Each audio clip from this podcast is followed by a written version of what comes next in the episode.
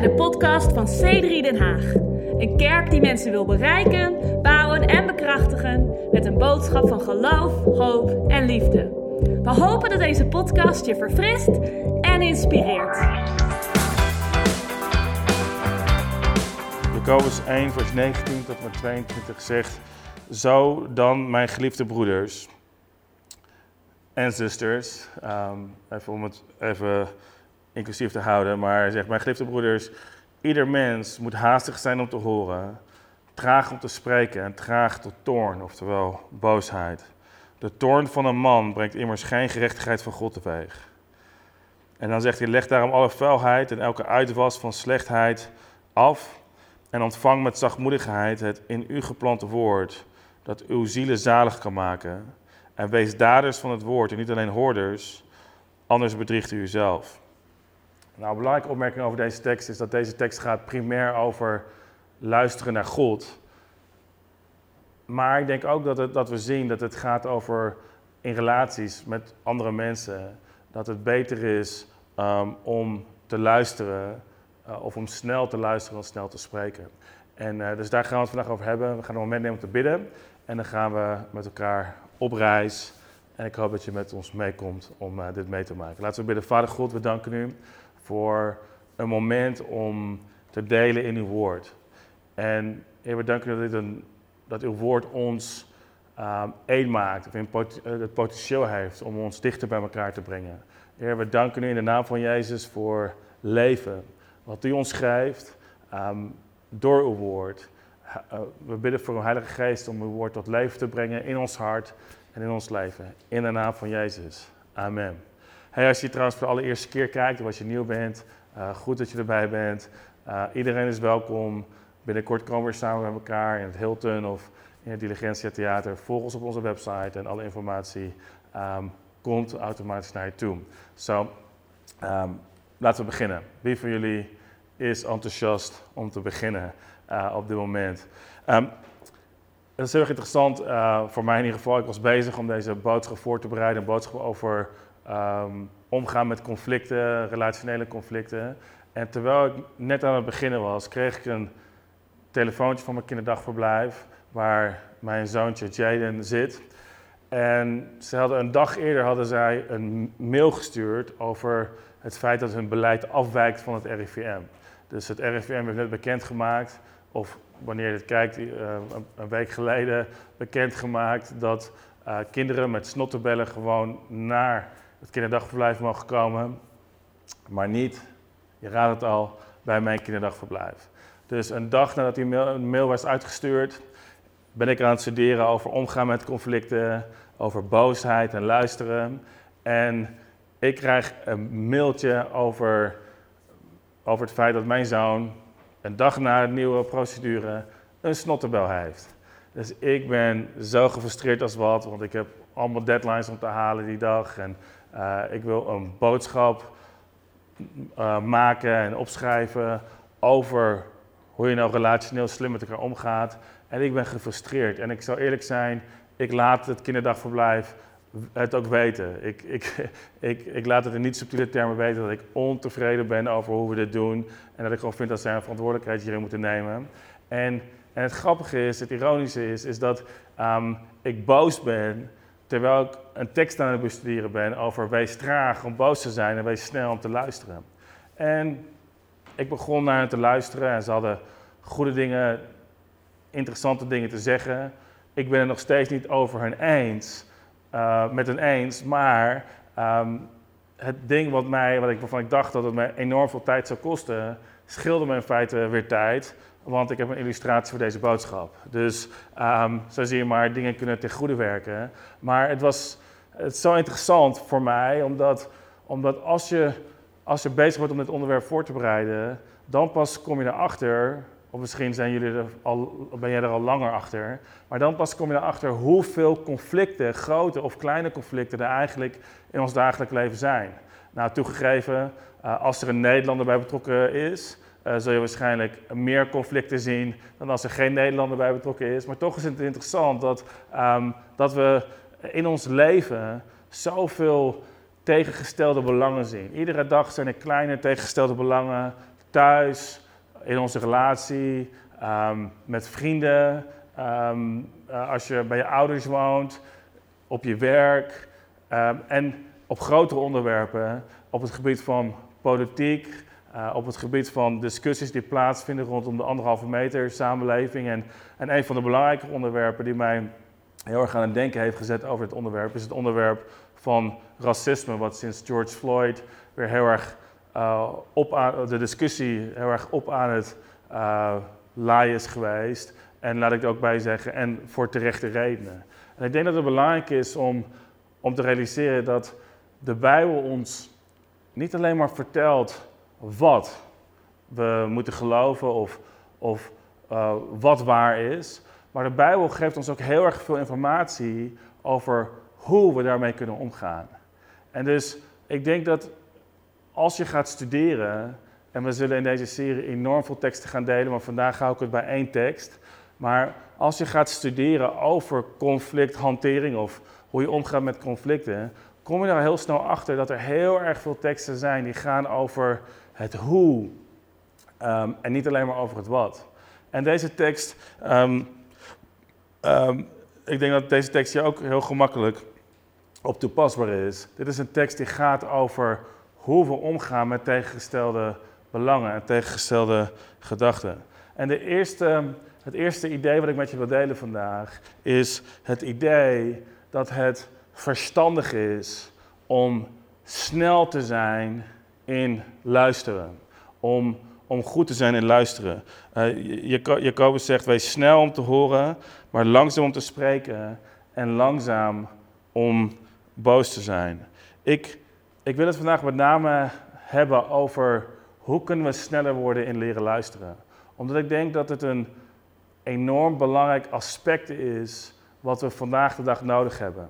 Als, ik, als, je, als je in de discussies ziet, in de comment secties, um, over uh, discussies rondom racisme, dan, dan wordt het heel erg snel duidelijk dat er een tekort is aan empathie. Dat er een tekort is aan, aan, het, um, aan de capaciteit om je in te leven in de beleving van een ander. En eh, heel veel mensen praten vanuit hun eigen beleving. Ik zou eigenlijk willen zeggen, we redeneren en denken allemaal vanuit onze eigen beleving. Maar Jacobus zegt, luister, laten we snel zijn om te luisteren en langzaam zijn om te spreken en langzaam zijn om boos te zijn. Nou, laat ik daar een opmerking over maken, voordat ik hier verkeerd begrepen word. Als het gaat om racisme en als mensen, met name de zwarte gemeenschap, boos zijn over wat hen is overkomen of boos zijn over uh, systemisch racisme in onze maatschappij, ben ik niet van mening dat we kunnen zeggen, jullie zijn wat snel om boos te zijn.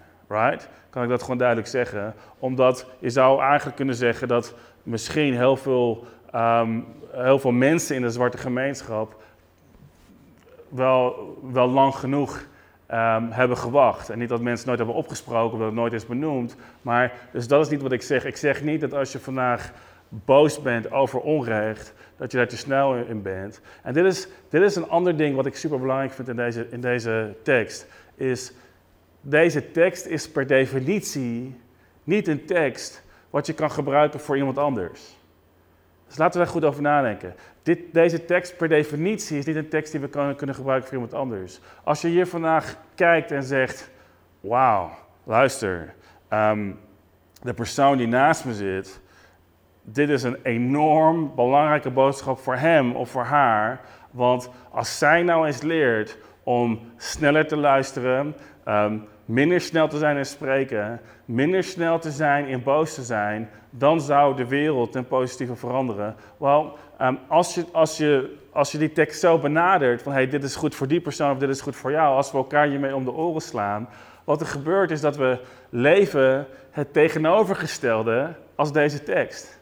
Zie, want, want deze tekst vertelt ons om snel te zijn in horen en om dingen toe te passen dus op onszelf. En dus hier is het ding. Er zijn teksten in de Bijbel die je hoofdzakelijk um, kan toepassen op jezelf. Jezus, en ik denk dat het heel erg interessant is over het hele onderwerp van conflicten. Jezus zei, haal eerst de balk weg uit je eigen oog, voordat je de splinter verwijdert uit het oog van de ander. En dus we zijn hier vandaag niet om gemeenschappen weg te zetten als boos of om anderen weg te zetten als, als, uh, uh, als boos of zij luisteren niet. We zijn hier vandaag om te reflecteren naar onszelf en om te kijken naar ons eigen hart en om te kijken, hé, hey, um, kan ik sneller zijn in luisteren? Kan ik groeien in empathie? Kan ik, kan ik beter worden om snel te leren luisteren? En ik denk dat dat een, een belangrijk aspect is. Um, social media heeft ons niet geholpen om betere luisteraars te worden. Social media is veel minder interactief dan we misschien vandaag de dag denken. En dus ik denk dat het interessant is om ons te realiseren dat we, dat we met social media een omgeving hebben gecreëerd waar, waar wij zelf onze eigen voorwaarden kunnen stellen. Het is mogelijk om bij post je comment sectie uit te zetten. Um, het is mogelijk om, om mensen te accepteren of om te blokkeren. Um, uh, voor sommigen van ons een van onze meest favoriete tools, de blokfunctie. Um, het is mogelijk om mensen te verwijderen van je lijst of opmerkingen te verwijderen, verwijderen van, je, van je lijst, zodat ze niet zichtbaar zijn. We hebben een omgeving waar we zelf complete beheersing over hebben. Misschien is het ook belangrijk om, om te realiseren dat, dat de algoritmes van social media heel erg vaak um, voor ons bepalen wat we wel en niet te zien krijgen. Dus niet alleen hebben we zelf een mate van beheersing over onze gesprekken, uh, ook is er, wordt er voor ons bepaald wat we wel en niet te zien krijgen. En al dat bij elkaar, al die aspecten bij elkaar, zorgen ervoor dat we minder goed zijn geworden in luisteren naar een andere kant van een verhaal. En soms denken we dat social media een geweldige, um, een geweldig middel is voor ons om interactie aan te gaan. Maar ik denk dat het goed is als het gaat om conflicten om te realiseren dat hoe persoonlijker een boodschap is, hoe, hoe meer we dat face-to-face zouden moeten brengen. De meest persoonlijke vorm van communicatie is face-to-face. Dan zou je kunnen zeggen, dan is er videocalling of FaceTime. Um, dan, dan is er nog iets als het schrijven van een brief. Dan zou je een sms kunnen sturen. Dan zou je een WhatsApp kunnen sturen. Um, en, en, en iedere vorm wordt minder persoonlijk. Dus we gaan van face-to-face naar um, helemaal naar het sturen van een, van een WhatsApp-bericht. En ik zou willen zeggen, het minst, de minst persoonlijke vorm van communicatie die we hebben vandaag de dag. Uh, oh, je kan nog e-mails, e-mails hebben. Um, maar de minst persoonlijke vorm van communicatie is social media. En het is verwarrend, omdat we denken, oh, het is social. Maar, maar social media zorgt voor zoveel disruptie. Nou zeg ik dat als je boos bent over onrecht in de wereld, dat je niet moet posten? Absoluut niet. Ik ben zelf, um, ik laat zelf ook mijn stem zo af en toe horen. Um, maar ik denk dat het goed is om te realiseren dat het niet een, um, overkomt als een persoonlijke vorm van communicatie. we hebben meer gesprekken nodig, face-to-face en in groepen. Uh, we hebben meer eerlijke gesprekken nodig onder elkaar dan dat we keyboard warriors nodig hebben die, um, die opstaan voor wat juist is. Nou, sta op voor wat juist is, maar realiseer je dat hoe persoonlijker een gesprek, hoe beter is om het face-to-face te voeren.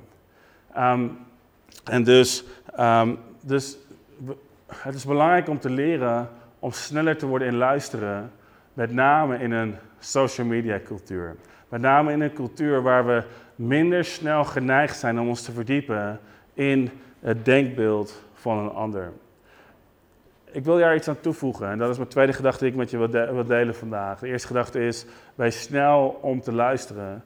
De tweede gedachte is dat de kerk heeft niet alleen oplossingen. De kerk is een oplossing voor een aantal van de problemen die we vandaag zien in termen van de verdeeldheid die we zien in onze samenleving. Ik denk met name als het gaat om diversiteit. Met name als het gaat om onderwerpen als racisme. Um, kan de kerk een positieve of een negatieve rol spelen? Maar wij, wij willen ervoor kiezen in onze kerk om onderwerpen bespreekbaar te maken in een diverse gemeenschap. Het mooie van onze kerk en het mooie van veel kerken in Nederland is dat er een grote mate van diversiteit kan zijn. Verschillende opleidingsachtergronden, um, verschillende opvoedingen. Uh, in veel gevallen in internationale kerken zoals die van ons verschillende culturen, verschillende etnische achtergronden, verschillende huidskleuren, zorgen, uh, zorgen ervoor dat we soms letterlijk bij elkaar op de huid zitten, met elkaar in teams zitten, uh, met elkaar werken. En ik denk dat het zo mooi kan zijn, omdat onze visie is um, Pioneer Church Communities who change their cities for Christ. Ik zou willen zeggen dat dit een hele tastbare manier is hoe we onze stad kunnen veranderen voor Christus. Door um, conflicten bespreekbaar te maken, door met elkaar eerlijk naar elkaar te zijn, maar hier is het vooral door naar elkaar te luisteren en door elkaar lief te hebben um, over onze verschillen heen. Want liefde verbindt ons in die aspecten waar we niet over elkaar eens zijn. Ik heb een tijd geleden, in het begin van het jaar, een boodschap gegeven waar ik zei: uh, we zijn geroepen om één te zijn van denken op de primaire aspecten. En we zijn geroepen om één te zijn van hart in de secundaire aspecten. En ik denk dat gelijkheid voor, voor iedereen, onafhankelijk van welke afkomst je vandaan komt, is een primair aspect. Maar ik denk ook dat het belangrijk is om de culturele onderlinge verschillen onder ons, om daarin elkaar te behandelen in een geest van liefde. En ja, in de lokale kerk zullen we elkaar verkeerd begrijpen. In de lokale kerk zullen we met elkaar omgaan vanuit onze culturele bias, vanuit onze culturele um, vooroordelen misschien of vooringenomenheid. Heel erg vaak zonder dat we daarvan bewust zijn. Maar als kerk kunnen we een verschil brengen in onze samenleving, omdat wij um, vastberaden zijn om elkaar lief te hebben. Om elkaar de waarheid te vertellen in een geest van liefde. En ik, ik wil je echt aanmoedigen, um, waar je ook zit op dit moment in je denken of in je, in je reis, um, om stil te staan bij het feit dat er mensen zijn in je omgeving die niet zijn opgegroeid met jouw culturele achtergrond. En ik weet dat we daarvan bewust zijn, maar hoe vaak zien we niet op talkshows en in discussies en in verschillende gesprekken dat mensen compleet spreken vanuit hun eigen ervaring. En wat we nodig hebben is, zijn gesprekken, meer gesprekken dan debatten. Maar wat we nodig hebben is om snel te worden in te luisteren. Ik denk dat het tijd is, met name als ik naar mezelf kijk als een witte Nederlander, om beter te zijn beter te worden in luisteren. Een vriend van mij zei pas tegen me, um, ik had een post gedaan over, hey, we moeten het beter doen dan dit. En, en, en hij zei, hoe, hoe kunnen we het, wat bedoelen we met beter worden? Wel, ik zou willen zeggen primair, beter worden in ons verplaatsen in de ander. In ons interview met Filemon, een paar weken geleden, hebben we het gehad over 1 Korinthe hoofdstuk 12. Waar staat dat als één lid van het lichaam leidt, zouden alle, met, zouden alle leden mee moeten leiden. En ik denk dat het zo belangrijk is uh, om te zien dat dat de christelijke boodschap is. Om ons te verplaatsen in elkaar en om niet te denken vanuit mijn perspectief, maar om dus snel te zijn om te luisteren, om te willen horen wat iemand anders te zeggen heeft. En ik vind het zo um, frustrerend om te zien dat er zoveel mensen zijn op dit moment in onze maatschappij die um, denken voor iemand anders heb het vaak gehad omdat uh, en ik een kind met een beperking hebben. Dat er mensen zijn die in gesprek met mij zeggen: Oh, um, het, het moet vast als volgt zijn. Of het zal ongetwijfeld zo voelen. En heel erg vaak heb ik het gevoel. Uh, ik, identificeer, ik identificeer me niet met wat jij zegt over hoe ik me voel. Misschien is het beter om een vraag te stellen. Um, en, uh, en dus ik denk dat dat belangrijk is, want dat is een manier waarop we met elkaar om kunnen gaan. En de kerk kan een verschil maken. Dit is heel tastbaar. De kerk kan een verschil maken in onze cultuur als we leren om in conflicten en in verschillen met een goede manier met elkaar om te gaan. De derde gedachte die ik met je wil delen is dat er altijd een andere kant is van een verhaal. Er is altijd een andere kant van een verhaal. Ik sprak met een uh, bevriende um, pastor van me eh, in Amerika. We hadden het over een aantal uh, verhalen. En in dit geval het over een persoonlijke situatie. En, ehm, en ik maakte een opmerking. Ik zei, ik weet niet precies wat de backstory is. Maar ik weet, het zou vast een andere kant zijn van de medaille. We hadden het over een aantal dingen. En hij zei, er is altijd een, een backstory. En ik denk dat het belangrijk is om te realiseren, er is altijd een andere kant van een verhaal. En dat is waarom het belangrijk is om snel te zijn in luisteren, langzaam te zijn in spreken. Want hoe vaak zien we niet dat we dingen zeggen voordat we begrijpen? En zie, voor mij, dit is een seizoen niet alleen maar om, om uh, te spreken over dingen die we anders willen zien. Dit is een seizoen niet voor, voor antwoorden, maar dit is een seizoen voor vragen. Dit is niet alleen maar een seizoen om gehoord te worden, maar dit is een seizoen om te leren luisteren. En ik denk dat als we, als we dat kunnen, als we ons dat eigen kunnen maken in, deze, in dit seizoen van ons leven, dat we als kerk, als mensen, als mensheid er beter van worden. Laten we begrijpen, er is altijd een backstory. We hebben in de coronatijd gezien dat de overheid zei, waar ik het niet per definitie volledig mee eens ben, maar we maken 100% van de beslissingen met 50% van de feiten. Nou, ik denk dat er meer feiten bekend zijn op dit moment, maar het is, het is op zich een interessante gedachte. Dat wij maken in ons leven heel erg vaak 100% een oordeel op basis van 50% van de feiten. Waarom? Omdat we één kant van het verhaal hebben gehoord. Als we dit wegnemen vanuit het onderwerp van racisme, ehm, en als we het hebben over verschillen in, in de kerk, of als we het hebben over, over verhalen die we horen over anderen, het is belangrijk om te realiseren dat je heel vaak een oordeel maakt, een 100% beslissing, op basis van 50% van de informatie. En, ehm, en dat is ook waarom het zo vervelend is als er verhalen rondgaan over mensen, omdat omdat mensen niet altijd de gelegenheid hebben om zich te verdedigen. Dus laten we ervan eh, bewust zijn, er is altijd een andere kant van een verhaal. Laten we geen 100% beslissing maken op basis van 50% van de informatie. Ehm, hoe, hoe, goed is dat? Alright. Ik ga eindigen met een gedachte en dan een wat meer een persoonlijke illustratie.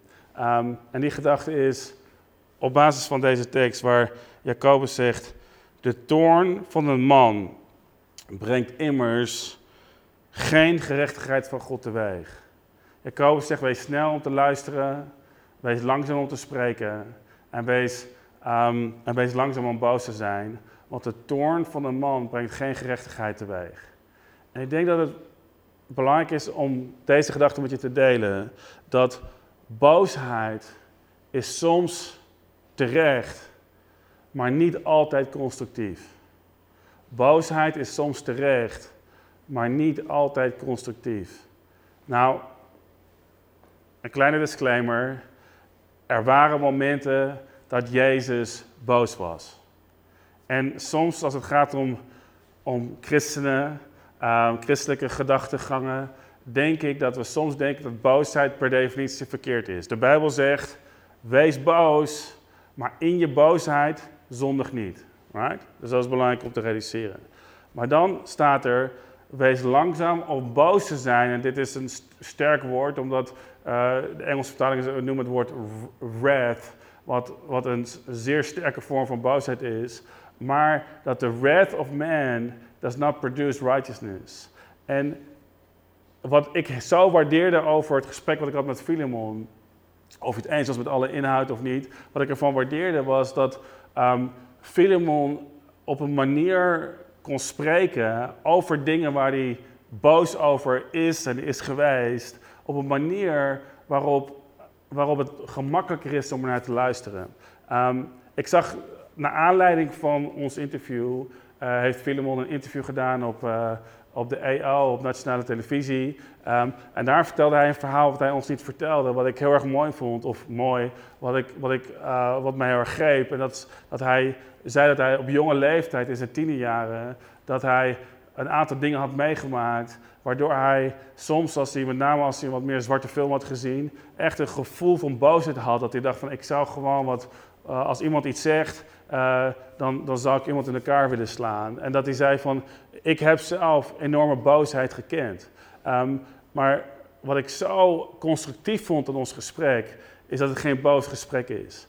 Uh, geen boos gesprek was, maar dat het een gesprek was waar we naar elkaar konden luisteren. En dat vind ik echt een voorbeeld voor dit seizoen. Nou, nogmaals, um, als je um, boos bent, en ik, ik, ik ben zelf behoorlijk gefrustreerd en geïrriteerd over sommige dingen die gezegd worden um, en over, over um, uh, ik, ik, kan me heel boos maken over racisme, maar ik denk dat het enorm belangrijk is om te realiseren welke, wanneer is het goed om dingen intern te verwerken en, en welke aspecten zijn goed om te delen in een gesprek.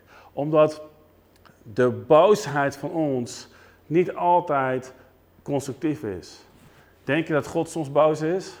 Ik denk het absoluut. Maar de Bijbel zegt in Romeinen hoofdstuk 5 dat de goedheid van God brengt ons tot inkeer of leidt ons tot bekering. En, en dus het is een interessant iets voor ons om te zien. Dat God een God is van genade en van waarheid. En dat God in zijn relationele benadering naar ons um, ons een pad geeft voor verlossing. En ons een pad geeft voor verandering. En ons een pad geeft voor bevrijding. En ik denk dat, um, ik denk dat we niet te snel moeten zijn, nogmaals, om deze teksten toe te passen op anderen. Maar als ik deze tekst toepas op mezelf, denk ik, hé, hey, er zijn situaties, relationele situaties waar ik denk, ik zou minder snel, of ik zou misschien, um, uh, het is productiever om mijn emotie te verstoppen en om na te denken over wat deze situatie uh, voor mij vereist. Um, laat ik een verhaal vertellen, een op zich een redelijk grappig verhaal. Anderhalf jaar geleden op, uh, met kerst um, kwam ik terecht met mijn familie, um, specifiek met mijn oudere broer, in een enorme, irritante politieke discussie.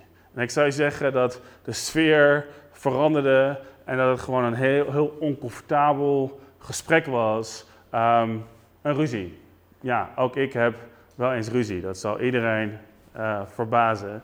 En, en we stonden zo tegenover elkaar. Het was zo frustrerend omdat we elkaar niet konden laten zien um, hoe we over dingen dachten. En ik zou eerlijk zeggen, um, ik voelde niet eens dat ik het volledig oneens was met alles wat er werd gezegd. Maar ik voelde me gewoon simpelweg verkeerd begrepen, omdat er voor mij werd gesproken. En dus dat heb je soms met broers en we clashten enorm. En ik zou je dit zeggen, afgelopen week um, en de afgelopen maanden ook, maar met name afgelopen week uh, sprak ik af met mijn broer in Amsterdam en uh, dronken we samen een biertje en dachten we over dingen na. En het is zo interessant om te zien dat in de andere, afgelopen anderhalf jaar we allebei hebben geleerd om beter naar elkaar te luisteren en om ons beter te verplaatsen in elkaars perspectief. En ik heb gemerkt dat omdat hij meer naar mij luistert en omdat ik meer naar hem luister, dat we meer in staat zijn om, om elkaar positief te beïnvloeden. En hier is het mooie, dat we in staat zijn om een meer gezonde relatie te hebben. En, en ik heb gemerkt dat soms, natuurlijk had ik het bij het juiste eind, ik bedoel, dat weet iedereen. Soms kun je het bij het juiste eind hebben, maar kun je nog steeds verliezen omdat je een relatie verliest. En dus um, laten we nadenken over de manier waarop we omgaan met verschillen. Sommige dingen moeten benoemd worden. En de vraag die soms goed is om te stellen is: wat is het juiste medium om ze in te benoemen? Wat is de juiste manier om ze aan te vliegen? Welke, welke vorm van communicatie brengt de meeste verandering met zich teweeg? En dat kan de, de manier zijn die je, die je nu kiest, of het kan een andere manier zijn waarin je zegt: ik ga ook meer beginnen te luisteren. Maar ik denk dat nogmaals, dat dit het seizoen is om snel te zijn om te luisteren, langzaam te zijn om boos te zijn, langzaam te zijn om te spreken. En als we dan spreken, spreken we met verdieping, spreken we met kennis um, en spreken we met empathie in gedachten. Want de boosheid van mensen produceert geen gerechtigheid. Nou, er zijn nog zoveel meer dingen die ik zou willen zeggen. Er zijn zoveel meer dingen die we gaan zeggen. Maar, ehm, maar hier gaan we het vandaag bij houden.